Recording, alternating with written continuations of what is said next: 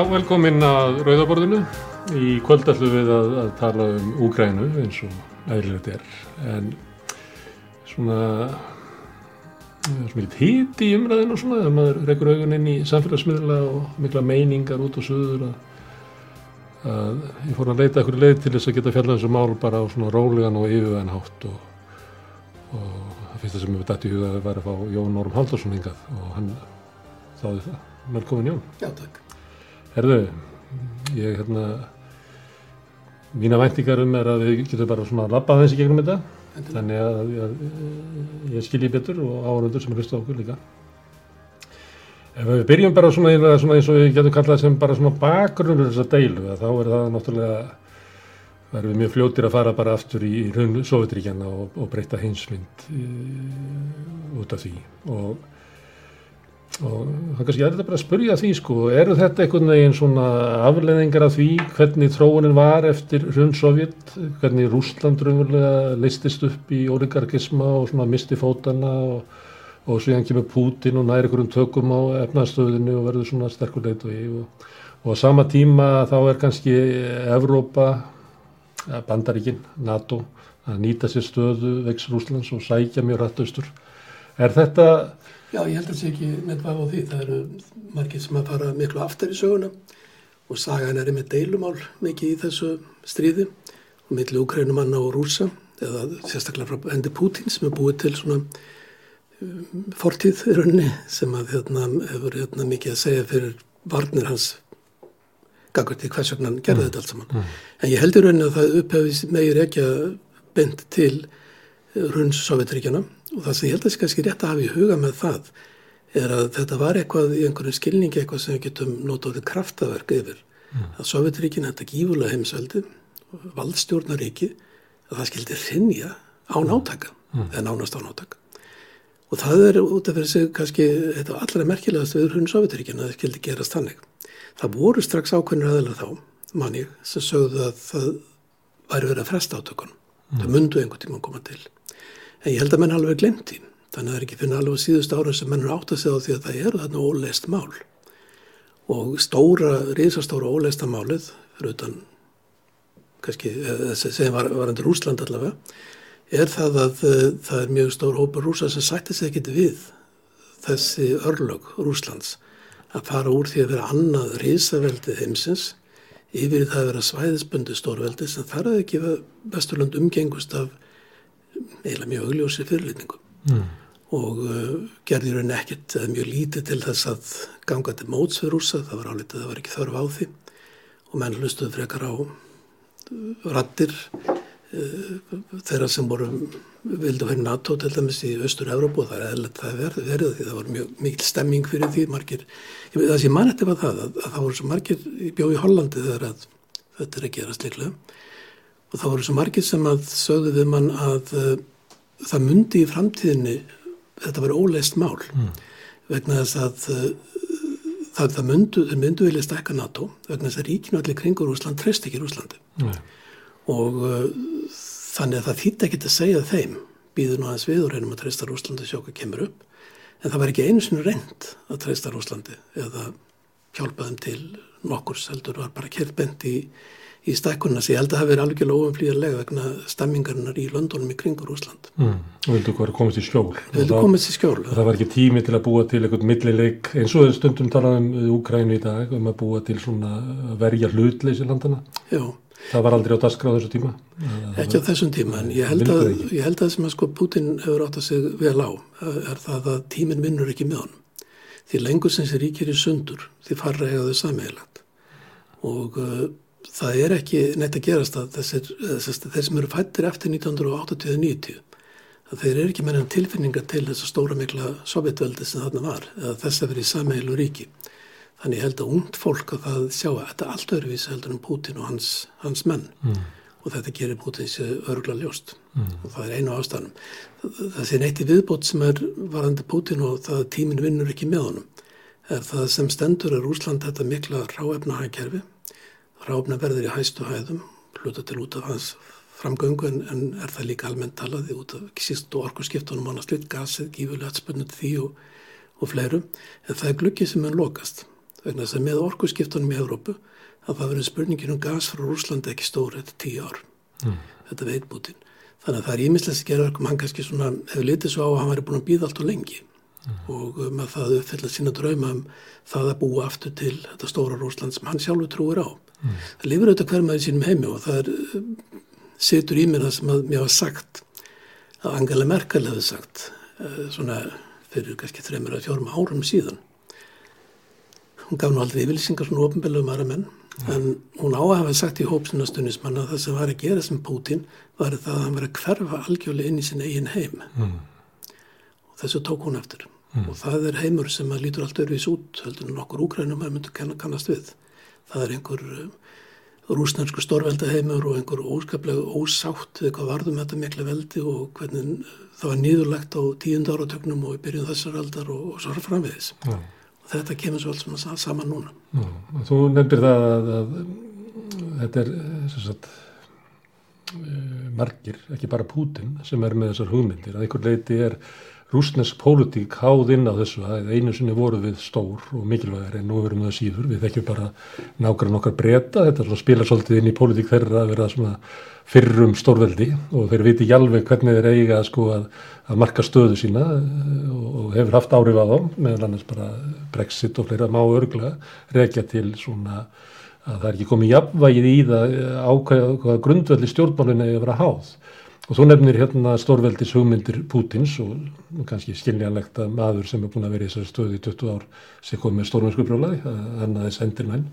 en er þetta rík hugmynd með rúsa almennt um að við verðum að finna einhverja leið í okkar stjórnmálum sem að falla að hugmyndum okkar um, um Rúsland sem sko stórveldi. Nú þekk ég rúsnesk stjórnmál ekki vel, ég tala ekki rúsnesk og skilan ekki mm. Og uh, þannig ég myndi alls ekki haldaði fram að ég vissi mikið um það mál. Hins vegar hef ég á tilfinningun að Putin sé mjög ekstrím í þessum hugmyndum sínum.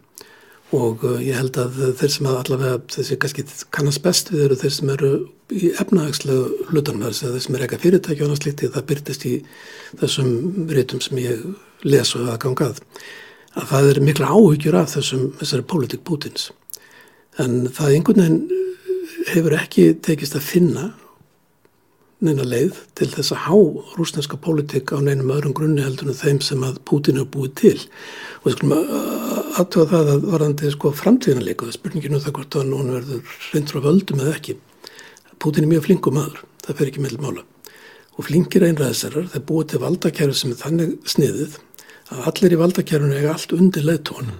þar sem þeir hafa ekki svona sjálfstæðt powerbase, þeir, þeir get ekki þeir, þeir reynlega hvort þeir lifið að degja, þeir ríkir eða ekki ríkir, snýst bara um sambandar við fóringin. Og þannig er rúsnast valdakerfi.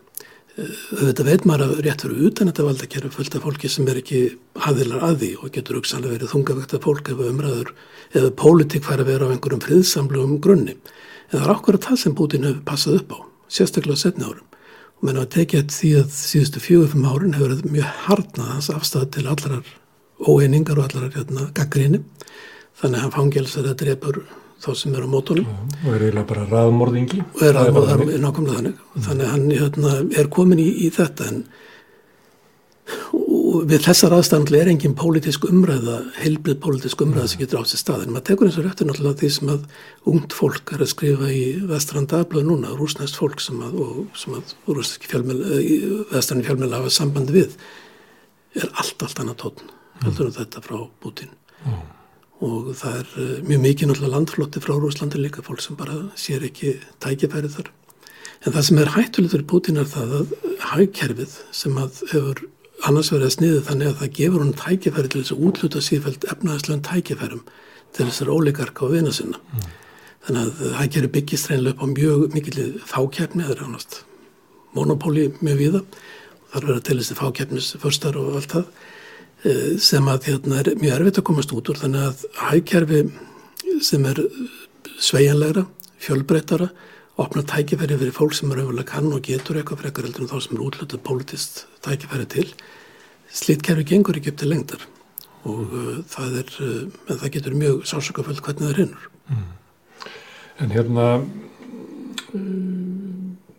tíund áratugurinn var slæmur fyrir hérna Rúsland og þannig verið að fréttir í gærum að, að rúblan hefði fallið um 20% út af hérna, hörðum uh, þvingunar aðgerðum vestuveldana en, en það er eiginlega bara smámunir við það sem er gerðist við rúbluna á, á, á tíundarartunum, þessum fjallum 90% á, á tildur á skamum tíma. Putin kemur inn eftir þetta og, og það kemur svona hagsaldatímabil í, í Rúslandi og það er mikið tröst á honum og líklega Ég hef ekki síðan eitt sem er að halda því fram að hafa verið eitthvað stórkostleg kostningasvindl í svona fyrstu tveimur kostningunum en, en, en eh, svona undaföllnum kostningum hefur verið bent á að það er bara í gangi stórkostlegt hérna, þannig að hann er búin að ræna líðræðinu. En á þeim tíma kemur hann inn sem sterkur líðræðskjörin leittói og, og sem að góðsum að vegna þess að hvað haggjörði fór langt nýður og það bánsaði aftur þurft tilbaka og hann nöyt þess og var þakka fyrir það. Þannig að, að þó svo að yngri kynsluðin, yngra fólkið í, í borgonum, eh, landflottar rússar tali hérna ólíkt honum að þá var, voru við hérna til þess að gera með réttu við hérna, hérna Viktorju e, Baksínu sem að var að hafi verið í Úslandi, bara er einhver sem var og hún var að tala um hvernig sko ættin sín sko bara klopnaði, bara um leið. Og þá hérna það var eiginlega, hann, hún sagði sko ég veit ekki hvort að sko fólki mitt verður sko ætti mín verið til þegar ég kem tilbaka sko af því að það, þetta er svo hatrum, hatrum deila, það sem annars vegar stendur um með Putin sem hefur gert svona mikið fyrir okkur, ég stend með föðurlandinu. Fólk algjörlega til í það sem hún hefði sagði, hún hefði ekki regnað með fyrirfram hefði tekið svona einarlega afstöð í stríðinu. Og svo hins vegar þeir sem að voru að reyna að knýja á um sko frið og, og ykkur samfélagsuppbyggingu. Ég dveldur á því því að ég held sko að Putin ljóti fyrir heila kynsla rúsa að vera mikil bjargvættur þegar við lítum okkur að gerist ára 1990-2000 þetta er náttúrulega ekki bæði, þetta er politist raun, þetta er raun á sjálfsmynd, raun á menningu, þú uppkvæmtar allt í það búið að ljúa þeir í 30, 40, 50 ár, það verður ekki verið orðamarkað sagt hefur verið við þú hefur verið að berjast fyrir einhver sem reyndist algjör fals uh, þegar á reyndi og svo hrinnur efnaðslifið mm. og það eru miljónur og tugi miljónur rúsa sem að þá í rauninni sko eru með eftirlaun sem að verða uh, lægileg og verða ekki neitt. Fólk reynilega getur ekki dreifð um lífið á þeim penningu sem það fekk eða ofnbæri starfsmennan og slikt. Sérnu töyir miljóna manna sem missa vinnuna þegar mm. allir þessu verksmiðum er lokað og ríkisfyrirtækinn reynja. Þannig að við þar aðstæðu þurfti mann, kannski eins og Putin, til þess að reyna einhvern veginn að ná þessu á, á streik aftur og það reyni vansið hvernig það hefði geta verið öðruvís heldur að vera mjög sterkur og einarðu leitói sem að uh, náði hilli fólks og gerði það. Mm. Þannig að það getur vel verið að saga verið skrifuð þannig í framtíðin að, að Putin 2000-2008 eða eitthvað þess aftur mm. hafi verið einstaklega heppilögu fyrir Rúsland og hafi gert ímislegt mögulegt sem að uh, varandi framtíður uppbyggingu landsins. En, en ég hættur maður að sé, hans blómatím sé, sé, sé alveg liðin mm. og uh, það sé kerfið, kerfið sjálf sem komið í greppu þar að auki mm. og þetta er svo nefni varandur hún í efnaðarslífinu að það er áttur að taka á sig mjög margar og mjög stórkallalagi myndir á næstu vikum og mánuðum. Eh, þessi afleðingar af þessum þessu hruni efnarslífinu sem er afleðingar af því að Putin einangraður úsa með, með, hérna, með þessu stríði. En það er rétt að því hún nefnir þess að konu sem þú, rúsnars konu sá að, að hafa það í hugað þó að Putin hefði sér mikinn stöðning í Rúsland og hafi lengi haft og í örglega meðal eldri kynslónu en þá talsvara stöðning að að þetta stríð sé ekki beinlega þökna eins að rúsa. Nei. Þetta er náttúrulega órúsnest að margur leiti að, að vaða svona nágrannar sínum og, og, hérna, og drepa þær fólki í stórin stíl fyrir einhver politísk uh, prinsip. Rúsar hafi svo sögu eins og í Djekkslóki og Ungverland og annað slikt. En, og Georgi og... Já, Georgi, en ég er ekki vissum stuðning almennings við þar aðgerður. Nei. Og ég held að stemmingin í Rúslandi hef alls ekki verið fyrir þessi innrás í, í, í í Ukrænu þannig að ég held að fólk kannski trúir ennþá einhver leiti áráðusmaskinu Putins og allt það. Sá í dag til dæmis að þetta er orðið kjenslefni í skólinn nú þegar það eru allir bekkir í grunnskóla og voru sattir í kjenslu morgunvist í útskýringum af hvað þetta væri gert og, og allt það og, og náttúrulega öll áráðusmaskinu öll, allir fjölmela mér og mér landsins eru, eru í þessu þannig að fólk trúir svo eitthvað. En ég held að sé ekki stemming meðal rúsa fyrir þessu. En það er þessi tími þar sem að, að Putin er hérna minnst ekki leitu í sem að reysir efnahag Rúslands við. Og þannig var nú bara að tala um hann á Vesturlöndu líka. En síðan koma þarna er við líka tímabíla á eftir, það kemur náttúrulega bara efnahagsfrunið og eitthvað fleira.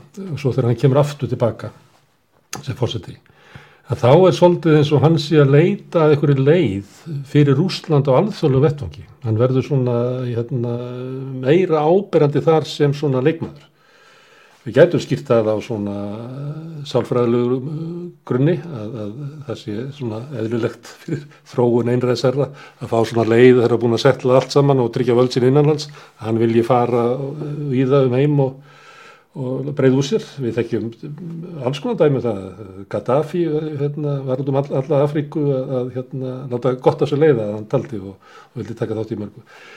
Þessi staða Pútins kannski svona frá Já, svona, frá 2014 og alþjóð á vettfangi hver er hún? Hva, hérna, er það er ykkur, er ykkur lönd sem er að halla sér upp á Rúslandi til þess að verja sig fyrir utan Sýrland? Ég held að sé sko mjög hérna, tilviljana kjönda því til að þetta er hann, hans pólitíkur alltaf verið álítið um, opportunistik hann grípur tækifæri þegar hann sér þau þannig að þó að sé ákveð það benda ákveðin samband millir Rúslands og Sýrlands frá portnufari að þá er það svona aldrei tilviljun að það er Sýrland sem hann hoppar inn í. Ég held sé í þessu á þessum tíma vegna þess að hann er að bæði fyrir sjálfa sig og líka fyrir þó nokkurn hóp af sinni kynnslóð er hann að Rúsland aftur að heimsveldi. Og ég held að bæði uh, Sýrland og eins Líbíða sem hann fer síðan setn inn í og ímis fleiri svona minni ævintýri hafi verið út af því að hann er raunverulega að gera heiminum það ljóst að það, þeir geta ekki komið fram í Rúsland með þeim hætti sem það er gert. Þeir skuli híðan frá að taka tillit til Rúslands sem stórveldis og í þeirri hugsun að þá hafa stórveldi í rauninni allt annað rétt heldur en vennileg ríki og þaðan kemur þessu hugmyndum það að stórveldi hafa rétt til þess að hafa hlutlösa ríki í kringum sig sem er rauninni alveg ótrúlega fáranlega hugmynd þegar maður hugsa um það sérstaklega 2001. öld. En það enga síður en fastur þeirri hugmyndum að Rúsland hafi sérstaklega rétt sem þetta mikla stórveldi og það er raungerist í afskiptum hans sem er raun og mjög vel hefnaður frá hans mati í, í Sýrlandu, hann bjargar hérna ríkistjótt frá falli og það er allir ljóst að, hann, að það var hann sem að gerði það mm. án Pútins að þá hefði Assad stjórnuleiklega fallið mm. og framráð Sýrland orði kannski Líbi og Íraks og Afganistan sem eru eiginlega bara lögleysis Já, sennilega, sko. sennilega. Mm. það er ekki, allavega ekki neitt augljóst mm. dæmið þar út af því hvernig landið er klófið að það hefði getið komið neitt gott, gott út úr þessu þetta er algjörlega skelvilegt stríð og skelvilegt fannferð þessar stjórnar sem hann, hann stiður og gerir það bara kvöldu blóði. Og uh, þannig að þá í rauninni er Úsland komið aðra stöðu heldur en hafði áður. Það er engum sem þetta er í hug lengur að setja semja algjörlega um miða Östurlanda á þess að taka tillit til Úslands það var ekki þannig verið tíu ára síðan. Það þurfti ekki að horfa til Úslands í þeim málum Það er eins með Líbíu, það verður ekkert útkljáða mála án þáttöku Rúslands. Þannig að hann getur tróðið sér svona að borðinu. Nákvæmlega og í krafti þess líka, það kannski annað með Kazakstan, það sem er mjög stór rúsnesku minnilhuti, en þegar það kemur upp uh, mótmæli almennings í Kazakstan þá fer að bendin þangað og hérna sendir rúsneskar fríðagjastlisveitir til, til Kazakstan. Þannig að það er ljóst að þetta er, er, er hér og það er það sem ekki er svolítið erut fyrir núna hvað gengur ílaði hernaðinum. Er það að það hafa komið svona ákveðin hugmyndum það rúsneski herin var eitt svo best í heimi mm. og hann uh, út af þessum árangri sem hann náði í, í, í Sílandi með tiltölu lilla mannafla sem að reynir síðan ekki alveg vera, vera mm. henni staði fyrir öllu leiti. Þannig ég held að þetta búið að bakvið sagt, þessari mm þetta sé síkológi einhverju leiti en hún er miklu djúb, djúbstæðar heldur en svo þetta sé einhverju órar eins manns. En hefur Rúsland svona efnarslega burði til þess að vera í þessari stöðu? Nú ef maður ber Rúsland saman bara við eitthvað, bandaríkin eða eitthvað að þá er Rúsland bara brota því sem að sko Sovjetríki voru sko. á hápunkti Sovjet var Sovjetríki kannski þriðjungurinn af bandaríkjónum en Rúsland í dag er bara eins og Ítalija Það er mjög erfitt að nota þessa tölur. Mér skildi aðtóa það að það talar um þjóðaframlegslu að eh, þá er stundum rétt að leiðréttana fyrir annað verðalag. Mm. þannig að eh, einn dólar í Moskvu leipið lengri heldur en einn dólar í New York. Mm. það er eins og er alveg ótrúlegt að orfa á það að þjóðaframleysla Rúslands hún er ekki meira heldur en sammeilið þjóðaframleysla Norðurlandana mm. og það sem er ennþá ótrúlega kannski fyrir Íslandinga er það að þjóðaframleysla Rúslands er lítið meira heldur en þjóðaframleysla Suðu Kóru og Suðu Kóru er minna en Ísland. Þetta er lítið ríki Þannig að þetta er ekki stert hagkerfi og það sem verður hlálega ljóst að maður lítur líka á uppbyggingur úsnænska hagkerfisins er það að það er mjög einhæft, mjög lítil sveigjanleiki í því og uh, það er algjörlega að há þessum til dælu einfalda búskap með, með öðlindir mm. og það er upplætt kerfi náttúrulega fyrir þá sem vilja ráða í pólitíkar að hafa öðlindir til að deila út með senna manna. Mm.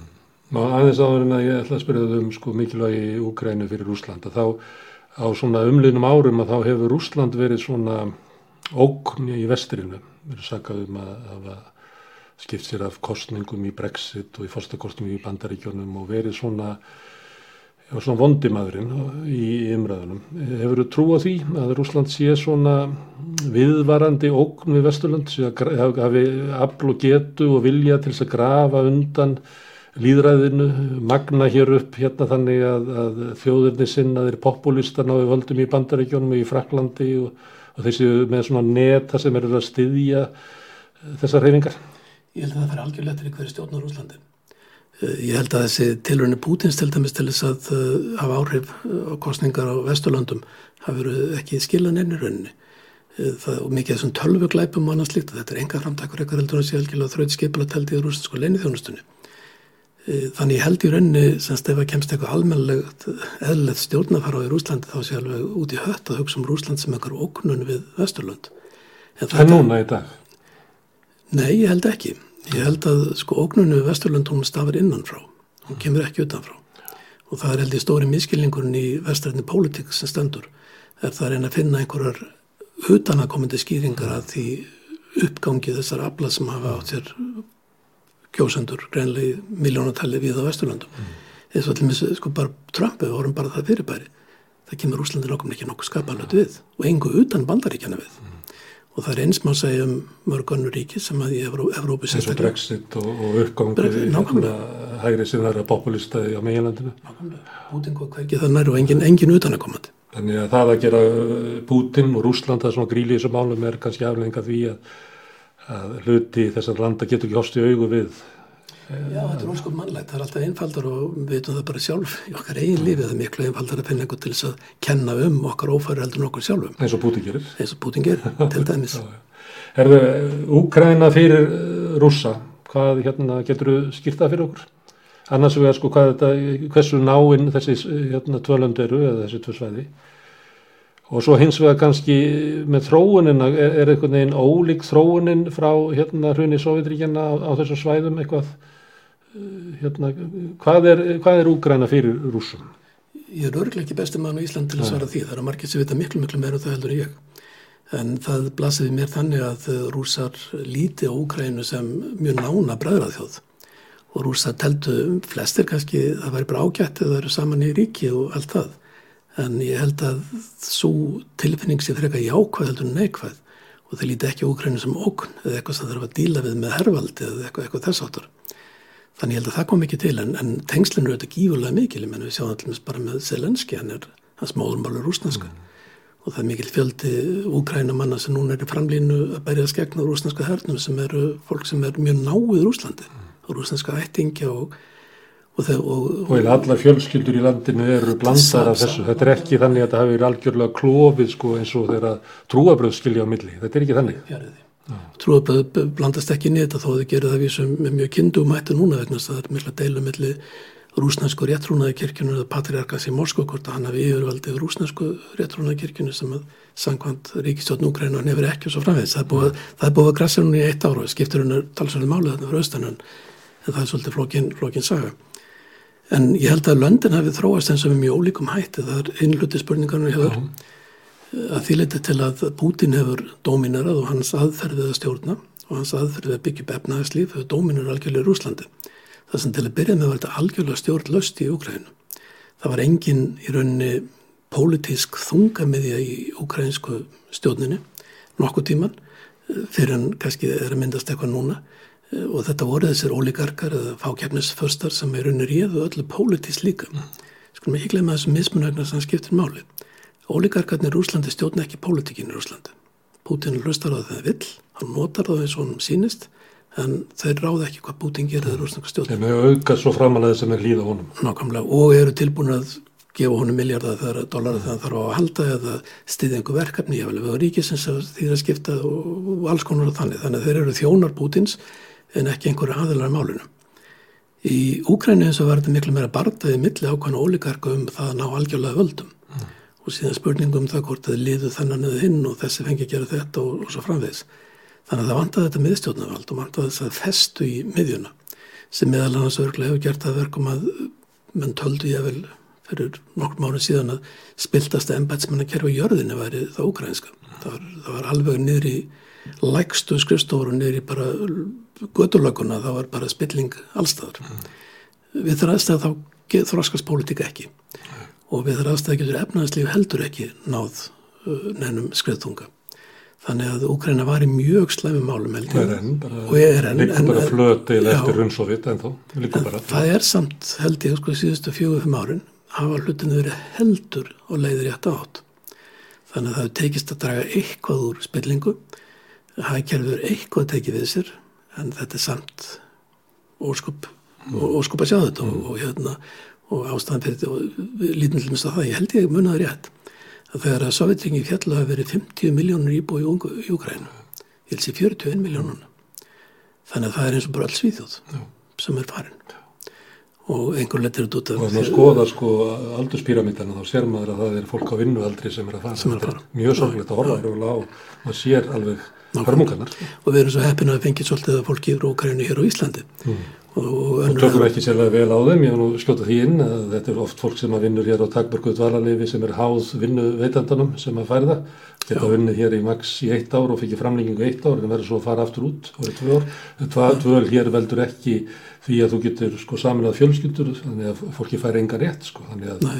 ef að, að Íslandika vilja fara að gera vel við úgrænumenn þá ættir að leita að úgrænumennunum á Íslandi og veita þeim eitthvað lengra. Þetta er saga sem segir heilmikið um Íslandin ekkit um úgrænu því þetta er yfirleitt uh, duglegt og gott fólk sem hefur staðið sér vel annar staðar og er eftirsótt jáfnvel í vinn og, og, og einhverju miljónur heila kondi Póland sem hafa tekið fyrir störnum sem að pólverjar hefði ekki áhuga á og flytti fyrir ekkert í Íslands og svo framvegis. Þannig að þetta er svona ákveðin ringráðsatni þarna í gangi. En eh, ég held samt sko að flestir, eh, hvað sem er horfa hagfræðilega á hlutina, eða pólitíst, hafi litið svo á að síðustu 2-3 árin hafi hlutinu verið frekar í jákvæða átt í Ukrænu. Og ég held að það sé engin tilviljun að það er í kjálfarað slíkrið þróun sem Putin grýpur til sinna óraða núna. Ég held að þetta er hugsað stæstu ókn sem hættar að ímynda sér við veldi Putins í Rúslandi að það er Ukræna sem gengur vel, sem er líðræðasleg, tiltölu óspilt þar sem að bæði atvinnulíf og þjóðfélag farið að þróast á innrið þrótti það, það, það er margtröð fyrir Putin mm. vegna það er allt of út af þessum tengslum sem þú mitt varst að ræðum millir landana tvekja að þetta er eitthvað sem að sko miljónur samtala hverjum degi geta átt í stað millir landana tvekja um hvernig þetta gengur og menn sjá í, það er, þú veist, með rittskóna allt í gangi, það færi þetta ekki fram hjá rúsum mm. ef Úkræna væri gangu upp og það er mikið lókuð Putin En í átökum ólíkarkana í Úkrænu þá var svona þjóðnisikja nótus, Úkrænsk þjóðnisikja sem að leita á rúsneska minnilutan sem ógn og svo hérna öfugt, hérna stuðningur við rúsa og þetta sveipa svona milli. Kantu að, að, að segja til um hvort að þetta hafi sko hérna klófi landið, að, að þetta valdi því að stjórnmálinn séu Mér hafi ekki kannski náða að fjalla um það sem þau eiga að gera sem er að byggja upp gott og, og, og gjöfult samfélag. Já, það var einhvern sem saði að að veri síðasta víð þess sem hefði ekkert fram að færa. Og það held ég að sé líka þarna og því miður þá hefur orðið og það er ekki vafa því að það er rétt í að Putin þegar hann talar um það þá komið ankanlega frá honum að það hefur nazistar reyfingar og það hefur alls konar mjög óskemtilega reyfingar sem átt í stað og orðið til í, í Um og ekki sérstök fyrir, fyrir Úkrænu. En þessi þjóðuninsækja í Úkrænu held ég að sé tiltölu ný í því svona pólitiska intensity sem hún er. Ætti að það rástur auðvitað eitthvað sem við alltaf verðum þarna. Mm. En þessi tilfinningum það við erum þetta og ekkert annað, það held ég sé tiltölu nýtt. Stríðið er náttúrulega magna það. Stríðið magnar upp úr öllu valdi. Sko ef við hugsaum til þessum bara þjóður, hvað eru marga þjóðir sem orðið til á vývellinu? Það er bara stórluti þjóða í heiminu sem hafa orðið til í stríði og á vývöldunum vegna þess að þjóðar vitundi kviknaði þá. Til dæmis interessant að það er eitt fræðumað sem held einhvern tíðan fram að á vývöldunum í Gallipóli og Dardanella við eh, Bosporusund hafa orðið til þrjár þjóður. Svo tyrknarska sem hafa aldrei verið til áður, því að partur á ottomanveldinu, svo ástrálska vegna þess að breski, breska heimsveldi beiti fyrst og fremst eh, fyrir sig tugum þúsunda ástráljumann og svo nýja sjálfandi mm og, og nýþjálendinga. Fyrir sig þar og þeir fjallut þúsundum saman frá þessum tiltölu fámennu löndum í fáránlega baráttu fyrir breska heimsveldið á ströndu Tyrklands. Og upp úr því byrjaði þjóðarvakning í Ástralja og Nýja Sjálandi. Og hvað þá þegar einhver aðstinn þetta í land, hvað árið það hefur? Mm. Herru, það er uh, forsagan að þessu að hérna innrásinn er hérna ég er ekki að réttlega innrásinn en hún er hérna afleðing af stigmagnandi deilum millir Rúslands og hérna NATO og bandaríkjana um, um útþenslu NATO. Og, og NATO gefur út yfirlýsingu um að hérna að vilja fara austur og Putin svara því meðan annars með innrásinn í, í Georgium þessi þetta ferli er hægt að horfa á það tilbaka og segja að NATO hefði gert mistök í þessu? Að það hefði átt að gera þetta með okkur um öðrum hætti? Já, ég held ekki á því. Ég held að það verið mjög afdrifverik mistök gerð bæði um hvernig menn umgengust Rúsland á tíund áratögnum loka áratögu síðustu aldar og síðan þegar kemur fram á þessa öld þá aftur og aftur er komið fram við rúsa ákveðinu hörku. En það verður eins og að hafa það í huga að það er ekki allast að spandalega sem ákvaða að færa þetta til austurs heldur voruð kröfur frá ríkjum sem vildu komast inn í NATO að því að treyst ekki Rúslandi. Mm. Það var ekki NATO sem að kræðist þess að Íslandslöndin eða Póland gengu í NATO, þvert á móti. Margir sem að stjórnmála... Hvað er á svona austurförun að segjum að væri hópur inn í Rúslandi sem að myndi berjast fyrir því að Rúsland í NATO? Er, er ekki eitthvað starf sem að NATO segja bara nei takk? Nei, þá er ég málu list. Því það var drömu sumra var það uh, upp á 1990 að Rúsland gengi í NATO. Mm. Það, það voru tveir skólarrönni sem voru svolítið mm. ábyrjandi þá sem mann eftir frá Þýskalandi og, og líka Hollandi sem mann rættu í fullir alvöru. Það var annars vel ekki að NATO niður mm. og hins verið að stekka það svo mikið að það væri algjörlega Þannig að það eru allir í NATO eða engin, engin. og þetta voru alveg stjórnmálamenn sem voru að tala um þetta í mannetri hollandska sjónarpunum þetta væri draumurinn og væri það að Rúsland gengi í NATO og þar með yrði þetta svona eins og öryggisbandalega meira svona eins og ösi eitthvað svona vettvangur það sem allir hittust og díluð um öryggismál mm. frekar heldur en eitthvað sem hefði raunverulegt fríðarbandalag já, einhvers konar fríðarbandalag, örygg, öryggisbandalag þetta var stóri drömmur og mikið óskaplega væri heiminum betri ef það hefði tekist mm. En það tókst ekki og margt um að kenna og eitt af því raunar sem er rétt að segja þannig að halda öll til haga er það að stjórnmálamennum á Vesturlandun sem að gengu í það að samþykja strax aðild þessar landa að NATO að þeir voru undir gífurlegum þrýstingi frá minnulötu hópum frá þessum landum til dæmis í bandaríkjónum þar sem að meira eh, allir pólverjar mm. og, og baltar allir eh, vildu mm. lágu í þingmannum að það samþykja eins og skot eh, að aðeins þessar landa að NATO og ég held að til og með á Íslandi hafa örgleður 99% stöningu við þessu landfæri henni NATO mm. þegar þau gerðu það þannig að það var, það vildi allir hjálpa þeim og það var búin til ákveðin ókun úr Úslandi sem þurfti ekki verða til en varð til þannig að þetta er svona, þetta er saga sem er mjög erfitt að segja hvernig það hefði getað farið öðruvís en, en alveg ljóst hún fór, fór illa hmm. Þetta löfti eða Putin í, út af hérna eða með því yfirverfi útþenslu NATO reðst inn í Georgiu og tók síðan krím. Þetta er allt saman er, sem hann segir að séu viðbröð við, við áselni vesturveldana hann verður rétt fyrir sér í einu í þessari grunnforsendu sem hann gefur sér mm. um það að þetta séu sveik, það eru það það er alveg ljóst að uh, James Baker með Söteríkisvara bandaríkjana hann rætti við Gorbachev og letu Sovjetríkjana á sínu tíma mjög frjálslega það að NATO myndi ekki færast neitt austur. Mm. í rauninni það var spurningit alltaf um tíma um það hvort að þegar Þískalandir er saminað ef Gorbachev fellist nú á saminningu Þískalands sem hann og Margaret Thatcher voru helst, helst að móta sem haldið því til aðja það var ekki allir sem töldu þess sjálfsagt að Þískaland saminist að þegar að það er verið ákveðið það þá hérna er, er þetta spurningurinn hvort að NATO muni koma fyrir herdeldum í Þískalandi, í Östu Þískalandi mm. og kólit svona í þæri vaka að það myndi ekki vera komið fyrir nefnum eldflögakjærfum en nefnum hættulegum búnað í Östu luta Þískalands mm. hvað þá að Pólandgengin í NATO eða Baltísku löndin eða Tjekkland og Slovaki og allt þetta það, það, það var einu svona í auksín einhvern veginn Þannig að þetta gerst alls mjög rætt og, hérna, og eðlilegt. Ég, ég held til dæmis sko ef maður hefði verið sjálfur í, í Estrasvarslandi, ég tala náttúrulega um til dæmis í Íslandi þar sem að 40% íbúin eða maður rétt voru þá rúsnesku mælandi og, þá hefði maður heimtaði að fá bara netto og viljað það. En það er það hættulega sem öryggisbandal og öll bandal að gera og það sést í báðum heimstýrildunum að það er það að garantera öryggi ríkja sem það get ekki garanterað og það var það sem að rauninni gekk fáranlega látt hjá mörgum vesturna stjórnmálamönnum sem gáðu til kynna að Georgi geti gengið í NATO. Mm.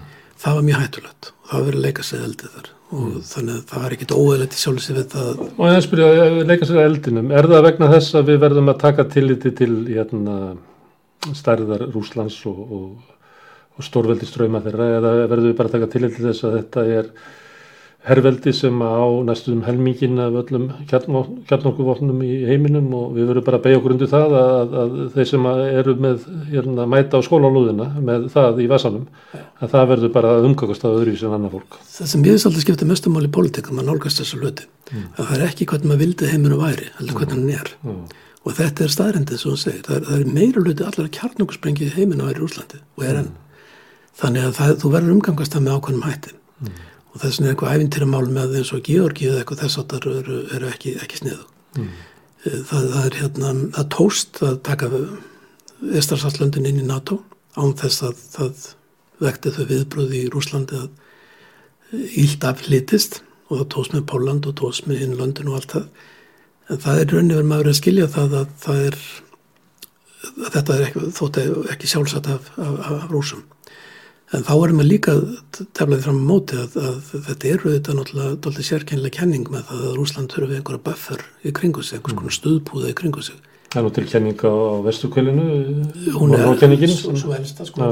Sem eru það að það skulle enginn ná fótfestu á vestukvælinu nema með velvild bandrikina. Já, vísu var stórluti vestukvæl sem sá undir stjórnu eurósku nýlölduveldana. Mm. Þetta var kenningi snýrst um það að það mætti ekki hafa neinn frekari afskipti af, af mm. Mm. þeir liðu það sem breytur og frakkar átt allar eigin Karibahafi og landa en enga ásalni enga ásalni og það, þetta var 19. aldin og ég vil að 20. Kúpetilans neyri svolítið um þetta Jó, og beint, og beint en hún, ég held að hún hefur verið svolítið psykológiska mörguleita vegna þess að sko ef við kemum til kjarnungurstýrs þá skiptir ekki málu að flögurna koma frá Kúpið og Rúslandi mm. þetta eru flögar sem fljú út í geimin og eru heila vonlust að granda þannig að fjarlæði skiptir ekki allir máli í því þannig en, en pólitíkin er bara þannig hún fer út í svona psykológiska hluti og það er einst núna að því að með Kína til dæmis að Kína er umkringt að eigin mati og sögulega séð af óvinnum en ekki, ekki vinnum mm. þannig að það eh, er eina ástæðin fyrir eitthvað Kínverið har lagt óhemmi miklu áherslu á það að þenni þessu út eins mikið að geta á hafsvæðum kringu Kína mm. því þeir eru upplifað nágranna sína sem, sem hóstæl sem, sem sögulega óvinnismöður svo sem eru, maður lítur á á, á söguna. En það er maður komin í kenningar sem að, sem sagt, og, og hugmyndir, þetta með Bufferson eða með stöðbúðana, sem að getur eiginlega ekki samþett á 2001. öld. Hún virkar mjög annarlega. Mm. Og svo líka alltaf spurninginu um það hvernig í óskopunum er þetta réttlæta það að segja við Úgrænu nei þið eru þannig ríkið, þeir eru svo nálega Rúslandi að þið hafið ekki rétt til ráð eitthvað sjálfur. Mm. Af hverju? Þú, þú þarf að finna einhverja mjög sterkar varnir fyrir því en staðrindin bara einfallega svo það er að því rúsnari áslöðu kjarnungarsprengjur. Mm. Það er ekki filosófisk og það er ekki prinsip ástæði eða siðfæðilega ástæði fyrir því að menn getur fallist á það að Úkrinni gengi ekki NATO eða eitthvað annað heldur bara þessi veruleiki. Mm. Herðu, hérna má ég taka smá hérna útutúr sem er kannski ekki útutúr. Þessi stækkun NATO og svo Evrópusambansins til austurs hefur það breytt svona karakter og sjálfsmynd svona vesturlanda? Um það hérna kannski áður voru þau í nafni svona frelsis og líðréttenda samfélagi voru hægt og bítandi að þróast í rétta átt. En núna viða í austrinu er verið að, að vinna gegn hvernréttindum, almennu marréttindum það er bara svona ríki sem að maður þarf ekki að vera það eru bara mjög nálagt einhverjum svona fasískum tendensum og inn í NATO eru náttúrulega með Tyrklandinga sem er á hraðanleið til einhvers svona fasisma. Hvaða árið hefur þessi austursókn og þessi svona breyting haft svona á sjálfsmynd og, og karanter uh, vestunandabúa? Ég held að segja strax eitt að maður hugsa um, um út frá Íslandi. Mm að þetta mál lítur svolítið örfis út í íslenskum fréttum í fréttum í, í hérna, Þískaland eða Hollandi eða Breitlandi, eða kannski ekki Breitlandan meira Þískaland og Hollandi því les blöð mm. stundum mm. það, þar líka þar er ekki talanett um bandaríkin eins og séur heil ekki aðeins málun mm. þetta er Evrópamál mm. þetta er Evrópusamband og trúur því að svo sé að bandaríkjumenn séu ekki virkir gerendur og bandaríkjumenn eru, það, það er komin ákveðin skil hann á mill og það er raunin það sem þetta fisk eftir mm. Það er skila millir NATO og Európa-sambandsins. Mm. Það þýlir til að öll ríki Európa-sambandsins líklega nánast nema Finnland og Svíþjóð eru í NATO. En uh, í NATO eru líka bandaríki sem hafa haft algjört forræði fyrir, fyrir, fyrir, fyrir því. En þetta er eitt af það sem gerist held ég á tímum Trumps í bandaríkjanum. Er það þróunin til þess að Evrópa standi saman sem sér fyrirbæri og hún er stólega aukist og merkjanlega aukist á mjög mörgum sviðum. Og það sem hefur gæst núna, og til og með COVID var eitt af því sem ítt undir, undir það, þótti mjög vel hefnað hvernig staðið var að samvernu varandi COVID og þetta tengir mjög huglengur að fara að sína hverju leðinni því. Núna með Úkrænudeluna, þá kemur ljós að Európaríkinn 27, þau standa alls saman, meira segja Ungverland ákvað að vera með. Mm. Þannig að það er fullkomin eining þar og það er eh, ferum um Evrópu, Evrópsk stjórnmálumenn sem að staði þessari endalösu gaggríni á, á Evrópussambandi og allt því að kenna og, og neikvæðu umræðu. Að það er einhver svona það er svona voru lofti í, í, í þeirra hugum. Mm. og þetta hefur verið og meðan annars að það sé að það íta hérna, bandaríkjónum svolítið til hlýðar það, það er sorgarsæða fyrir mjög marga. Mm. það, er, ég, það sem ég tók eftir í Þýskalandi var þegar Trump til valda að það broti tröst og tröst byggjur ekki auðvöldlega batur. Mm. Mm. Það er heimlega meira sem merkel sem að segja nú aldrei neitt stort yfirleitt og þú lítur á hennar feril og lítur á það sem hún hefur sagt að það er ekki efni í bók. Hún er mjög fátt sagt. Mm. En þetta sagði hún þó og hún sagði að Evrópa er þið að gera sér ljóst að það veri ákveðin kaplaskil í gangi. Evrópa er þið að sjá um sig sjálf og Macron allir Fraklandi bjóð til þessu koncept með það fullveldi Evrópu sem væri þá ekki það saman svo við ekki haldundi bandaríkin endilega eða ekki gett treysta mm. bandaríkin. Þannig að það er held ég stóra sagan varðandi Evrópu er það að þetta mál hefur reynst verið Evrópamál mm. þess að þartur hún ekki sérstaklega mikið bandaríkinum að halda. Og þá kemur að því sérstaklega að uh, það sem að Putin reynir að gera síðveld er að sniðganga Evrópu. Þannig að hann segir þetta bara mál mellir bandaríkin og Rúslands. Mm hann hefur, hans er lausna á þessu máli á hvað er hann hefur hann haldið fram það setja að leysa máli bara bandarækinn og Rúslands hittast og akkurat að vera að tala við einhver undir, undir, undir mm. sáta þeirri í Evrópu mm. þetta er línan frá honum þetta bara lítur ekki það nút í Evrópu En er það verið þess að hann vil ekki sterkja Evrópu? Jú, akkurat sko, ég vildi mm. samt sko um að því að ég sagði að bandarækinn kem ekki inn í þetta og þetta skipti ekki úrlega máli varandi svift mm. að gjaldmiðlinn í sviftkerfunu er dollarin Mm. Þannig að svift er eitt og síðan svo staðrenda það dollarinn sem þarf það áhaldið því og ekkert sem að getur komið í staði fyrir það einni fyrir sjálega framtíð. Mm. Þannig að þetta skiptir bandaríkinn gífurlega miklu máli. En ég tek líka til því að fyrirtækinu, allir þessu stóri fyrirtæki sem hafa verið að losa stöð, um stöður í Rúslandi, hafa líst hefur þessi að hætta vinnar, að selja eignu, eignu sín, ég vil fórna eignu sín, bara fara í burt og bara loka. Þetta er yfirlega Európa-sambandsfyrirtæki. Mm. eins og tvö olíufyrirtæki sem þeir hafa gert, Shell og BP það eru tvö stærstu ólífyrirtæki í Európu og íminst fleiri fyrirtæki sem ákveða að slíta sambandi við, við Rúsland og efnaðslega séu það, það er annað líka. Það var endur Úkrænum að ég held að þessi 40% af öllum viðskiptum Úkrænum manni hefur Európa-sambandið en ekki nefna innan við 10% af Rúsland þannig efnaðslega það skiptir Európa-sambandið miklu miklu meira máli fyrir Úkrænu heldur Rúsland mm. og bandaríki skiptir einu engum máli því það er sára lítill innflutum, mm. kynverðar skiptir meira máli heldur bandaríkinni í hagrænum skilningi. Ef maður hlustar vel á, á auðverkisráður af sjálfstæðsflóksins þá heyrir maður þetta svolítið þess að maður tala um að þessi deila síni nöðsi þess að við stöndum með vinaþjóðum okkar í NATO og Európa-sambandinu. Þarf sko, já hún þarf að segja það sko okay. og það segir í Európska efnarsvæðinu en það sýnir náttúrulega þess að þú ert að lýsa að sko forræði málsins er svo mikið og þú gætir eða ekki sko sagt þessa setningu bara með NATO af því að það væri Nei, það, það. virkar ekki trúverð en ég held kannski að gera það á Íslanda því að Európa-sambandi er svo lítið, lítið umræðinu hér. Uh, en ég heyrði þetta, ég var að reysa kannski líður að því að, að sjálfstæðslokkurinn leggur til yngungu í Európa-sambandi út af þessu. Já, það sé að verða til sko einhver held sem við verðum að til er það sko. Já, þú ert sérfræð einhver íslenski politík ekki Við erum bara gafur að lesa und, und, undir, undir textan en e, nú erum menn að kasta fram alls konar, það er náttúrulega stríði gangi og menn að kalla hvernig getur þetta mögulega e, hver getur þetta mögulega lausnir af þessu? Eitt sem hefur nefnt af að, að um, rússar fallist á að Úgræna verið hlutlus og og það þýðir að NATO farið ekki að reyna en Úgræna gangi í Európa-sáttið heldur að Putin geti sett sér við það að, að, að Úgræna myndi tengjast Európu og efnarsviðinu gegn því að þarna er þið ekki hérna, heri NATO Ég held þó það hljómundalega mm. að þá er Putin hrættari við Európa-sambandi heldur NATO. Mm. Þannig ég held að hans megin... Út af þessu að lýsa á þannig að það hefur verið efnaðslegu vöxtur í Úkrænu. Þannig að... Opið, opið hagkerfi, mannréttindi virt, um, Európsk viðmið út um allt. Mm. Það er bara allt, allt of freistandi fyrir rúsa að horfa það við liðn á sér í, í landið sem er svona nátengdum. Þannig ég held að ótipútið sé sest, þetta og hann, hann vil þess vegna alltaf reyna að færa þetta yfir til bandaríkina en ekki, ekki Európa-samansins. Mm.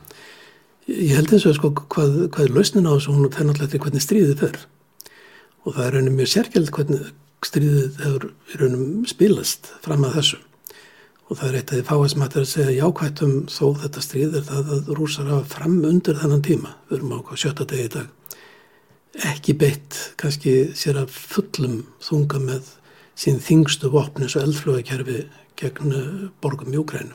Ekki, uh, ekki látið sprengjur rigna yfir borginnar. Það er, það er eins og bendur ímislega til að sé að byrja á því núna. Mm það sem hefur komið á óvart er það í fyrsta lagi að rúsneski flugharina náði ekki yfirraðum með lofthelgi Úgræðinu. Það er rauninni mjög skrítið. Ég hef ekki fundið neina almenlega skýring á því hvernig það stendur að rúsneski flugharina náði ekki að sprengja upp all loftvarna mannverki, alla flugvelli og alla flugvilar Úgræðinu manna. Ég hefði álítið að það hefði verið af hæri rúsneska flugur sem skera það. Af hverjum hefur ég gert það en þá veit ég ekki.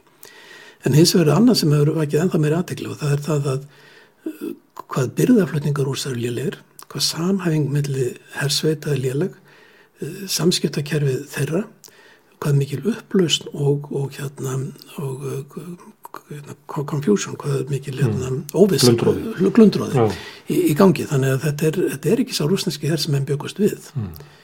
Kanski rekord í gangi, heyrði nú einhvers svona herrfræðingi verið að segja það, ja. að menn skildi ekki lesa of mikið í svona vanganda það menn eru bara að koma sér fyrir og, og menn eru bara rólegir og svo hérna bara gætið ykkar þegar þeir fara í gang þá vil ekki nýta þetta Nei, akkurat, ég, er, ég er svolítið hættur um það að er mikið til í því já. Hérna já, svona spurningum sko uh, stemmingin á Vesturlundum er svolítið svona að, að auknar þvinga lausnin á stríðinu uh, og leiðina friði er að Pútin hverfi. Að, að þvinganinnar að hérna já, viðskiptaþinganir og alls konar að, aðgerðir að, að, að niðurlæja rúsa með því að reka það út úr íþrótarhefingunni og, og, og senda hljómsveitastjórnana heim og allt þetta leiði til þess að það grafist undan Putin og hann falli og það sé leiðin að friði. Finnst þér þetta líklegt að, að nú eru Vesturland oft reynd að vera með svona skipta valdhöfum út Írakstriði snýrstu það, Líbíja, eh, CIA hefur gert valda rán út um allan heim og finnst þér það eh, líklegt að það sé mögulegt að það gerist bara á næstu dögum og vikum? Nei, ég held ekki. Ég, ég held en þetta er stemmingin á Vesturlund, hvað er veldur því? Það er, það, það er bara því að þetta er einfalda stemmingin. Ná. Við verðum að gera eitthvað, ég tekið til og með sér sá á Facebook að menn voru að spyrja okkur í óskopunum er ekki búið að hérna senda hér til hjálpa þeim eða eitthvað þess að þú okkur er ekki að vera að gera þetta og gera hitt sem eru stór hættulegur aðgerðir. Þannig að fólk vil gera eitthvað. Og það hefur mjög, náttúrulega, kannski ekki miklu hugmyndur um hvernig, hverju afleðingar af slikum gjörðum yrðum sem getur hálfur skelvilegri heldur þetta stríð sem við sjá, sjáum núna þannig að það er einskott menn farið varlega og það er bara veruleiki málsins þetta er svo graf alvarlegt mál mm. ég vil þó maður ekki hugsa bara um ukrainsku þjóðina að vera komin í stríðsástand við stærsta kjarnorkuveldi heimsins mm. Ég held eins og það er sko með valdakjöri Pútins að það, það er enginn sem veit núna, ekki til maður sem veit að hvernig þetta fer, hvernig valdakjörið getur hugsanlega hrunið. Sjálfur þá var ég fyrir þeirra reynsla, ég skrifaði doktorsvíkjur um Indonési, þannig ég átti að vita meira en flestur um, um mm. hérna, indonésk stjórnmál, um, um tengsl hægkerfið sem við stjórnmálakerfið. Mm. Svo er ég búin að þessu og uh, það er einræðistjótt þarna sem er sífælt harðar og harðar og þéttar og þéttar og, og einmitt eins og Pútinstjótnin er sífælt að útlutu öllum efnahagslegin gæðum til sinna stuðnismanna mm. og ræður í rauninni hægkerfunu algjörlega líka eins og hann gerir. Síðan kemur efnahagskreppa, það eru hrun á gjaldmiðlunum og það vildi svo til ég var stattur í Indonési þannig að ég teka mér á hótel og það er þá var rúpían indoneska 2000 og eitthvað, eitthvað dollara og hún var 15.000 þegar ég tekaði mútið hótelinu þrema vikum setna. Mm fór aðeins til Európa og svo aftur til Indonésiu til þess að fylgjast með þess og þá horfið ég á einræðistjótt falla. Og það sem að sittur alltaf í mér er það að þegar að ég byrjaði að hitta, ég, ég hitta nú enga ráþöra, ég fekk að hitta aðstofamenn ráþöra og alla átsetta menn og þingmenn og ég hitti tvo menn sem eru ráþöra í fyrstu ríkistjóðinu eftir mm. hrun einræðastjóðanunar og ég hitti ofta en einu svona ofta en tvis og suma þessu menn hvað tónum breytist hratt mm. það var þessi tón með uh, fyrst með það uh, einhverja einfalda skýringar eitthvað sem er alltaf hirt áður og þetta er miklu sterkara eldur en halda og þetta menn halda og þetta bara er, er svona og allt það svo kom einhverju efa tón og svo áður ég fór og þá voru bara allir fallin að hugsa sína eigin stöðu mm. Þá voru business sennilega einhverju leiti mm. líka það er, um, já það er kannski svolítið til að lesa það samt í mjög smástöðum en þarna var þetta svo augljóst á því að það bara fór allir í sinn eigin hundakofa að hugsa um mm. sitt heimdi sín hugsa um hvernig það rettaði mér mm. og hvernig þessi stjórn Pútins, hvernig hún hérna getur hrunið veit ég ekki og það veit mm, engin veit en það. gæti ekki að stjá pratt eins og þetta. En ef við förum í söguna að það er góðsögn á Vesturlundum og sérstaklega í Bandaríkjunum að Ronald Reagan hafi sko raunverulega fælt Sovjetríkin með harðri stefnu gegn þeim uh, og neittu þannig, í ykkur stöðu þannig að þau rundu Hefur þú trú á því að, að Vesturland hafi fælt Sovjetríkin eða fjalluðu af ykkur svona innra meini sem að, að við kunum ekki að skýra? Það hjálpaði til og það var eitt í því sem að ég, ég held ég aldrei vera hrettar í pólitíku æfinni heldur en því að statur í Washington rétt þetta valdatöku Reagans.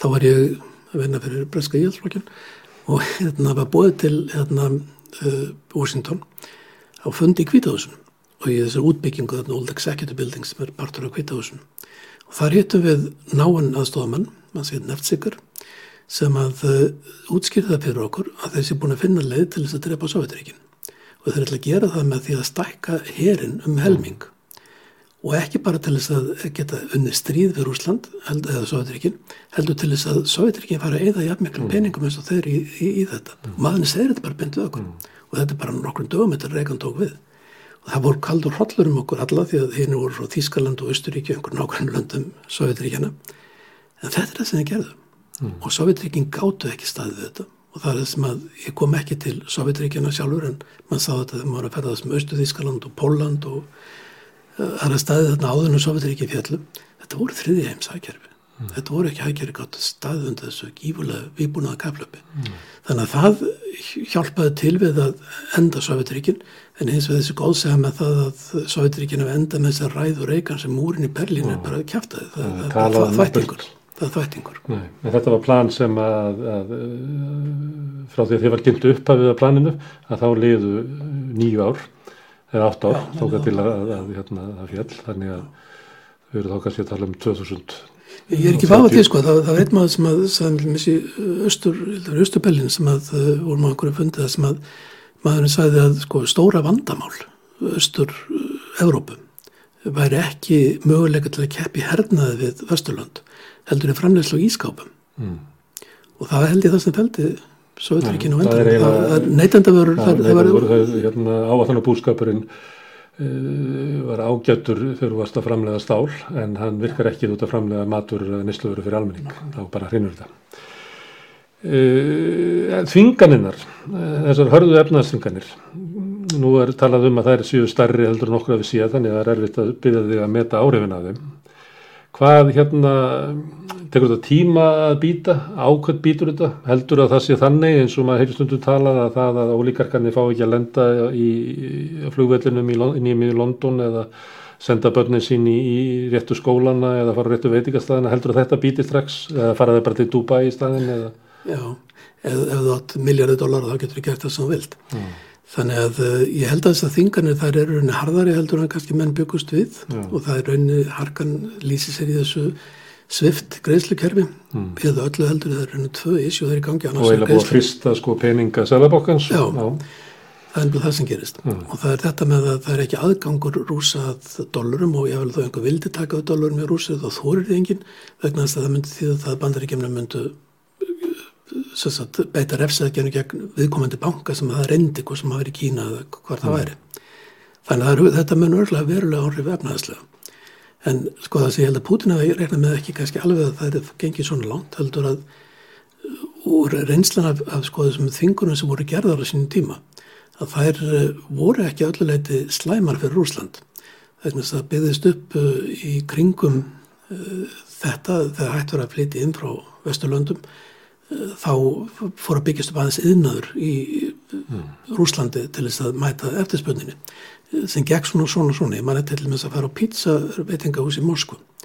Og það sem að mér bóði upp á pizza sem var engin ostur á því það var búið að stoppa allir raunflýtingu ostu þetta var alveg óætt vara. Síðan fór ég inn í einhverju búð sem ég að benda á að ríka fólkið fari þar gaf maður valið um sko hvern mm. einast ost sem framleiti Fraklandi eða Þískalandi eða, eða Sviss eða koma vildi. Mm þannig að þetta var til fyrir það smáttu peninga. Það tókst að smikla þessu og allt það. En ég held að Putin hefði ekkert áhyggjur af meira í, að því tægi en þetta með Sælabankan og þetta með aðgang gengisleysi að, að þérna alltfjörlega gjaldmeilum að það er vandamál. Mm.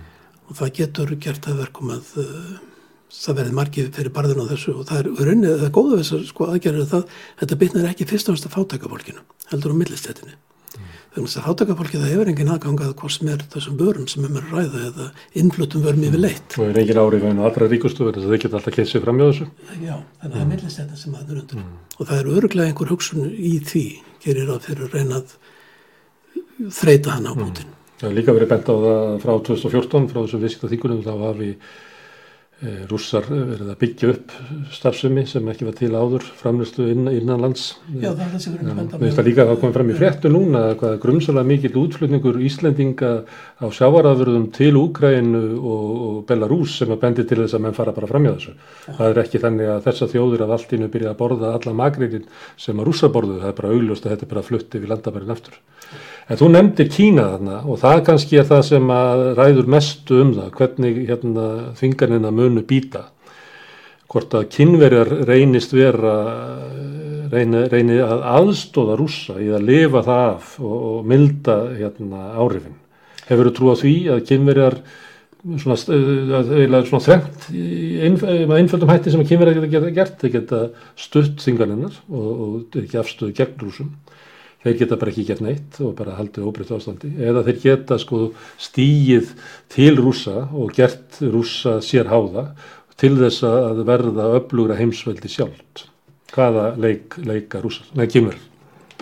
Styrstu málið það síðastan. Mm. Það er alveg að treysta því að allar aðgerri kynveri í þessu máli munu vera algjörlega þeirra eigin fórsendum. Það er raunar þannig að ég held að kynveri finnist þetta núna í byli óhefilegt mál.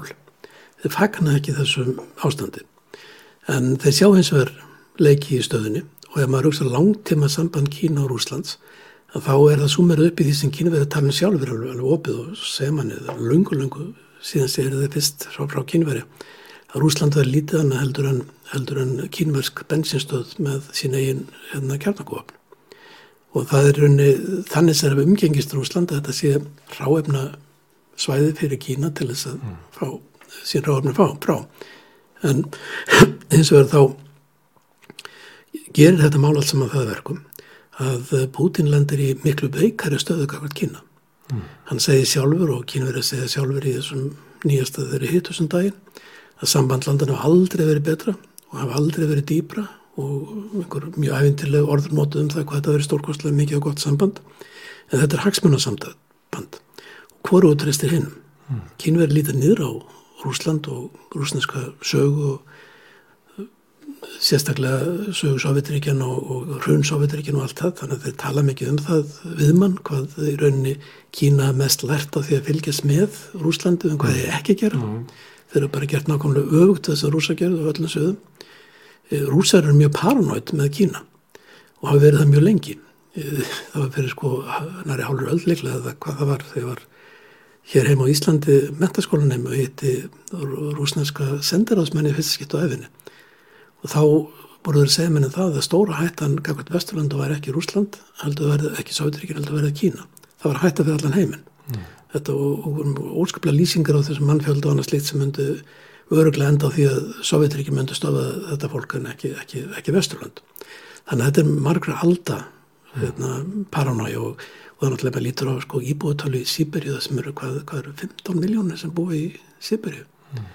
E, eitthvað svolítið, 15-20 miljónir kannski en, en í Kína eru það, eru það 1370 miljónir þannig að þeir fyrir þá einhvern veginn þá Svona séð frá Asju þá er þetta ekki stort land Nei, og það er raun að sko við erum alltaf að tala núna um eins og við sem tala um heiminn Mm. Ég vil aðeins benda það að þessi hluti líta allir út öðruvís í Asíu heldur en hér. Mm. Það sem komir einna mest á óvart að fara að ferðast um Asíu á nýjönda áratögnum var það að það hefði engin á að tala um kaldastriðið. Mm. Kaldastriðið var bara eitthvað fjarlægt fyrirbæði sem engin á að mm. Kaldastriðin í Asíu lauk ár 1975 með fallið Víðna. Eftir það talaði engin um kaldastriðið. En er ekki hægt og, uh, að kaldastriðið séu lögin á okkur aftur? Jú, en það er það kring Kína. En þetta er bara nafn kaldastriðið. Það séður að tala með þessi átök og norðurlutak, norðurkvæli heimsins og þetta svona mál sem er að gerast eh, mikið verið risastóra vesturlöndum og okkur finnst vera heiminu snúist um þau er ekki svona stór þarna fyrir austan og það er allt önnum mál í, í gangi. En Kína, þess megin neðustan held ég sé svo að, að Kína mun notfæra sér þetta mjög vel. Þeir munu eignast uh, þetta sé verið tannins gasið á hann með uh, stutta bíl sem getur allt gas til Európu Kína verður eini markaður í framtíðinni mm. fyrir rúsnæts gas og kannski fyrir, hérna, olí og ímsalut og langstæsti markaðurinn fyrir allflestar vörur rúsa en það verður alltaf fórstandu kínveri við mm. getur gett þetta líka annar staðar mm. og þá erum við komið með eh, Kína sem öflugt heimsöldi Já. og hvað, hvað svona heimur er það með hérna Bandaríkin og með Evrópu Evrópa kannski að reyna sjálfstæði sitt lítil eining í uh, samanbörðu við Kína kannski. Hvað, svona heimur er það? Við farið á bandarækjamenn að hafa meira áhuga á, á Kirrahafinu og Asju frekar heldur en Evrópu. Ég sá í bók sem að þérna las verið ekki mjög langur síðan eftir mann sem kynntist í Singapur indvöskur fræðamöður hann saði og þetta er náttúrulega mikla íkjur en þetta samt gefur ákvæmna mynd að því hvernig heimurinn er breytast. Hann saði þessari bók í formálabókarinnar hann saði heimurinn er alltaf verið þannig að það er svona eins og eitt bíósalur það er allir að horfa sömu myndina mm. en fólk getur skilja henn með mjög ólíkum hætti heimurinn er núna verða þannig að þetta er svona multiplex það eru margar ólíka bíómyndir í gangi mm. hver í sínu sall og það er það sem að held ég að sé að breyta svo mikið heiminum er það að þú getur ekki lengur talað um að sé einpóla eða tvípóla eða gallstríð eða norður-söður eða eitthvað þess aftar svona dichotomy sem við alltaf notaði umræðum um þetta það er ekki einu sem þetta tala um bandaríkin bandaríkin Rúsland og, og Kína og Európa sem annar leikar í þessu. Þetta er miklu mjög floknar heldur en það. Þetta eru herbergiða sem að ólíki hlutur eru að gerast. Ólíki hluti skipta máli. En í þessari noktu svona valda pólitík í heiminum að þá er Kína auðvitað gífular ræður uppleið. Mm. en þeirra ambisjónir eru ekki endilega þær að uh, drotna yfir Afríku eða Suður Ameríku eða einhverjum öðrum svæðum og samátt og bandaríkinn drotnuði við Suður Ameríku og reynda drotnuði mörgum öðrum hlutum heimsins með því að búa til heldstætt allþjóðakerfi með bandarískum herstöðum 700 bandarískum herstöðum í kringum mm. nöttin. Mm. Kína er ekki meina einustu herstöðu en Kína. Og fellið ríkistjóttir sem, sem er pass, í Kína. Þú sér ekki Kín verið að fara í þetta? Þeir fara ekki hennar business. Það sem þeir vilja gera er að þeir vilja vera algjörlega óskorað fórusturíki Asíu, Östur Asíu og þar hafa þeir rauninni kannski til langstíma meira áhyggjur á Indlandi heldur en öðrum landum mm. þess vegna er þetta stóra allar þessi gífulu tilrunni hjá bandaríkjónum og, og, og breytum og fleirum að búa til einhvers konar bandalag millir Vesturlanda, Indlands, Japan og Ástralju sem svona, þetta er mjög kunnulegt þegar það var reynd að búa til ringi kringu Sáðutrykkin og það samir að gerast með Kína og þetta veit að kemur auðvitað mjög vel af þessu en uh, þar geta orðið stórkostli sliðs til dæmis minnur á svo Tævan eða eitthvað sliðt sem að geti hlift öllu upp ná mm. og, og, og Kína mun allir sér að samina Kína og Tævan fyrir árið 2049 það er mm. líku fyrir, þeir er búin að segja það. Þeir býð ekki lengur en það. En ég held að sem ég ólíklegt er farið að ráðast inn í Tævan en þeir eru eins og rúsar að þýrlega til að þeir eru öðruvísi ríki. Þeir mm. eru ekki eins og ríkin í kring Þannig að þeir krefjast aukinar valda og tillits eh, sem að önnur ekki get ekki ferið fram á. Þetta er alveg opið. Þannig að endalók kaldastriðsins og eh, fallsofutiríkjana, eh, endalók tímans, það tímabil, það var mjög stutt. Það er eiginlega, það er örgla farið aftur og við erum komið með margpóla heim aftur sem að mun hafa áhrif. Það er fyrir gullöld sem það var sem við letum. Já, það er svo þessi tími það sem að var einpóla. Nei, ekki einpóla heldur, svo tími það sem að þessi átök átt sér rauningi stað. Mm. það sem að uh, heimur vits allir verið að opnast. Og mm. það er raunin að nota benni það er það sem hefur breyst alveg gífulega mikið. Sjáðu núna þess að sko þessa reyfingu um allan heiminn með Úkræn þetta kom ekki bara rússum ávart þetta kom allir með heiminum ávart það er allt í hennu þá bara er heiminum segir bara hinga ekki lengra þetta má ekki svona og við bara stöndum alls saman þetta grækar allir saman nú þetta var óhugsandur 20-30 árum. Það er þetta sem internet hefur gert sem að uh, nattvæðingin eða heimsvæðingin hefur, hefur gert með ímsum hætti. Að heimurinn er orðin að meira, meira minna orðin að einum stað. Og það var fráleitt hugmyndan yfir það nokkuð tíma fyrir til dælu að stundu síðan. Hefur þú trúið því að það hafi áhrif? Stundum eru svona reyfingar, það er svona móbilasjón á þess að leiði til einhvers, skifum svona bylgja með veist, samkendar og samúðar og svo er þetta bara gert inn í svona rými þar sem er, þar sífælt að vera að henda nýjum hlutum inn í. Það er hárið, sko. En það sem er, er að gerast og er það að pípulagnir eru komnar og það er þetta, ímislega flætt í allar áttir eftir þessum bíblögnum mm. en það er komið eitthvað kerfi í heiminum það sem allar heiminum getur talað saman um saman málið mm. en síðan með mjólikum hættu og allt það mm. en, og almenningur er, er, er, er hérna, þáttakandi í, í þessu með miklu miklu nánari hætti heldurni gegnum gamla fjölmiðlakerfið. Heldur að eh, styrkur Kína sem heimsveldis á móti bandarjónum hafi árif á til dæmis stróuna í Afríku eða fyrir í Suður Ameríku þar sem að þjóðir hafa möguleika á að halla sér upp af öðrum, það sé ekki bara einn valkost að, að hérna það sem að sömar þjóðir, Íslandíkar náttúrulega ekki hvað síst, gáttu spilað í, í kaldastriðinu á heimsveldin með því að sko vera alltaf með svona hótunum í hvaða hérna, fylkingu þeir alltaf að vera. Þá kannski ekki verið alvara um að Íslandíkar höllu sér mikið upp á rúsum en þá gáttu þeir alltaf verið með þetta. Og, og, og við þekkjum það í sögu, sögu Afríku og, og víðar. Helduru að, að styrkur hérna Kína geti kannski flýtt fyrir hérna bata Afríku? Ég er ekki alveg þess að það. Það gengir mjög ítlaði á Kína í Afríku, miklu miklu verðaldur en mann halda mm. og þannig að plönun hef ekki gengið upp. Það hefur verið gífilega mikið peningasettar í þetta en þetta verður svo valdið pólitísku olgu í margur löndum Afríku þannig að anstaðan gegn kínmöskum afskiptum er orðið mjög mikil. Mm. Svo er það gert sér sumulöndum eins og allir misið Sri Lanka þar sem að menn hafa lengt reyli skuldafangelsi við Kína vegna þess að þetta er ekki gjafir, þetta eru lán. Það sveipaðu alveg þau gældir sér á sín tíma og skuldir það á aðra. Já, nákvæmlega og mér finnst stundum eins og þetta beltu og braut projekt. Það snúist ekki endal um áhrif Kína heldur bara um að selja steipu og stál. Mm. Það er það sem Kína eru að gera um allan heiminn. Þetta er gert mjög gott í mörgunlandum en það er önnur bilding sem er eða staði í Afríku sem snerti Kína sem er rauninni kannski sumleiti áhugaveðari og það er það, það er líklega minnskosti eina við ekki tvær miljónir kínverði sem hafa flutt til Afríkulanda og er að setja þar blitla business einingar og eru fannir framleiðslu og sölu og, og þess að það er í vestlun sem hefur valdið pólitísku ólgu í nokkrum landum Afríku af því að þeim gengur svo vel í, í þessum business en það er svo tengingur unni sem held að minna hafa meiri áhrif heldur en endilega sem massífa útlanda fjárfesting og nú eru hins vegar Vesturlanda bregðast við mjög sent og eru fann að bjóða Afríku upp á betri díla. Þannig að ég, ég vona að Afríku menn kunna nýta sig það allir sér að þeim sem Það er fá þá allavega valum um dílana að vera típal á heimi. Og ég held að Afríku menni að seglumetti vindu og geti gert neitt annað. Er það tvennt sem að ég ætla að fá að koma að áðurum við ljúkum?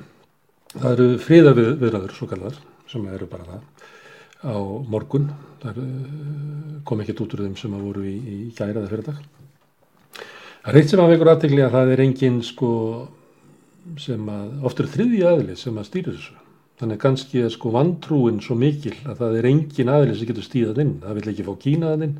Nú geta normen ekki komið og talað á milli sko Ísraelsmanna og palestinumanna.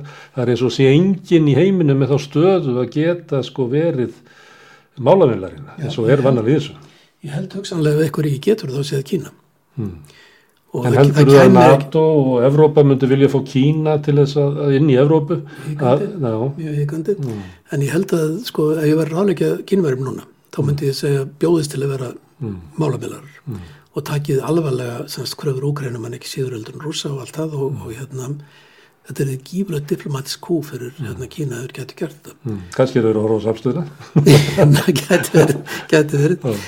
En, en hins vegar þá held ég sko að lausnin á, á þessu máli og hún hefði allatíðum leiði fyrir. Hún er bara þessu martíni sem er ekki hægt að segja. Mm. Það er ekki hægt fyrir lönd heimsins sem að búa við alþjóðakerfið að hvert landi fullvalda á sínu ríki, sínu svæði og aðri ekki skipta sig af að segja við úkrænumenn okkur sleppið ekki krím Mm. Það er ljóst að meðlut íbúinu krím vill mm. vera í Rúslandi.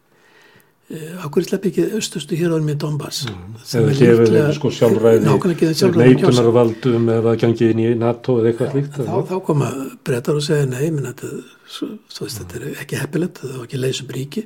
Spánverjar, þetta er fordæmi árandi Baska og Katalóniumenn og út um allan heim kemur upp þessi handstaði við þetta já. Og þessin er þetta mjög erfitt en þetta væri, væri lausnin og ég heldur einar að úgrænumenn sem eru raunsæðir hafið séð fyrir sér að þeir myndi ekki taka kríma aftur, ekki fá það aftur og ég vil eitthvað Donbass hérðan líka. Mm. En þetta má ekki segja og, og hérna það brítur all prinsip. Mm. Þetta er eitthvað sem getur komið út úr fríðaverðum og það sem að bonar er að Putin lendi þeirri stöðu að, að hann verði mjög, mjög, mjög þröngri stöðu en eigi samt útlöp því að ég mm. minna það sem að Klaus von Clausewitz saði, að ekki prúsa, ekki rúsaldu prúsa mm Hann sagði að það hættulegt sem hann gerði væri það að einangra, neð væri að þérna, þjarma svo mikið ofinni sínum að hann ætti ekki undankomi auðið. Mm -hmm. Þegar þá getur ekki dreikna út hvað hann gerir. Mm. Þannig að undankomi leið Pútins var einhvers konar málamilun þar sem hann geti sett fyrir úsa, krím er okkar, mm þessi héruð er okkar og, hérna, og Úgræna allar ekki gangi NATO fyrir sjáanlegan tíma. En ég held eins og að það verið erfiðar að ferna að stoppa það og Úgræna gengi í Európa-sambandið. Þannig að það er best, mesta líkur og friði ef að báður aðalar koma til dala veikir að borðinu Já. og semja um að, að Putin fá alltaf andlitinu og, og Úkræna fái sko, eins mikið sjálfstæð og mögulegt er með að vera nágrann í rússana og það verið komist að samkóla um það.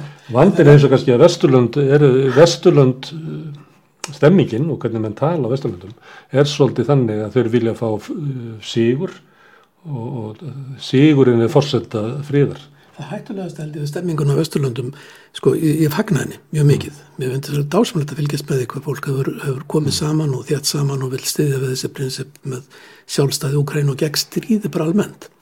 Það er mjög nærandi að, að horfa á viðblöðu síðust daga.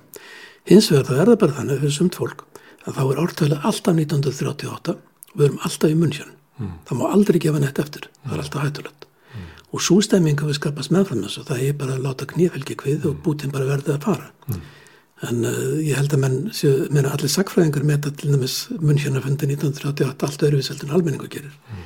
og ég held að það sé mjög hættulega stemming að, að mm. líta svo á að mm. þetta sé einhver úrslita stund Það kem ég eiginlega að sko það sem ég ætlaði að tala um síðan sem að er uh, þessi innrás og þetta stríð hefur valdið því að það er eh, aukinn hernaður uppbygging. Það er verið að tala um að það er að fara í ganga ykkur að heyrafingar á norðurslóðum. Það er verið að tala um að Finnland og Svíþjóð gangi inn í NATO sem er náttúrulega árásarbandalag hefur verið það líka.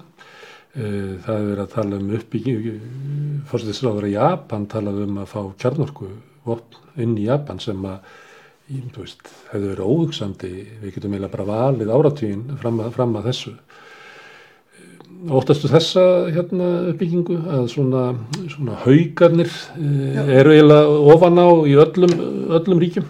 Nákvæmlega, mm. sko þetta er algjörlega lógist. Það er svona sem við búin að kefla beður alltaf. Þú, veist, mm. þú ræður einhvern, það kemur hann á móti. Ræður hann meira, kemur hann á móti. Og hann óttast þess að þú gerur og svo bara mm. það upp og spinn, spinnst upp. Þannig að hugarfærið skiptur öllum álið þessu. Mm og þess vegna nefndi ég þetta með München á 1938 sem held ég skelvilegt fordæmi til að hafa almennt í alltjóðamálum og sem leksíu sem að heimurinn eigi alltaf að muna eftir að læra af mm. raunir í þeim efnum held ég að sé rétt að muna líka að eina leksíu sögunar er svo að mann læra ekki sögunni Herðu, þetta eru frábær hérna loka orð. Þakka ekki alveg fyrir Jón Ormur að koma hérna og, og spjalla við mig í þennan tíma. Uh, það er mikil hérna mikið gott að hafa menni eins og Jón Orm sem hættir að, að fá hingað rauðaborðin og svo bara hausa upp úr honum. Ég hefði mjög gaman af og gott af þessu samtali og ég vona að þeir sem að stöldur hérna við rauðaborðið hafi það líka uh, með því að hlusta á, á rólindislega umræðu um stríð. Hérna á eftir á, á samstöðinni verður þáttur um, um leyendur. Ég hveti ykkur til að fylgjast með því, hann er klukka nýju. Pólski þátturinn hann fellur niður, ekki út af stríðinu, heldur út af veikindum umsanamanns, en svo verð ég hérna aftur við rauðaborðið á morgun og þá ætla ég ekki að tala um úgrænu, heldur um kótakerfið og árif þess á sjáarbyggðir á Íslandi. Þá kemur fólk hingað og ja, rekur þá sögu alla. En ég þakka Jóni Ormi aftur kjallaði fyrir og ykkur hlustundum og segi takk fyrir í kvöld.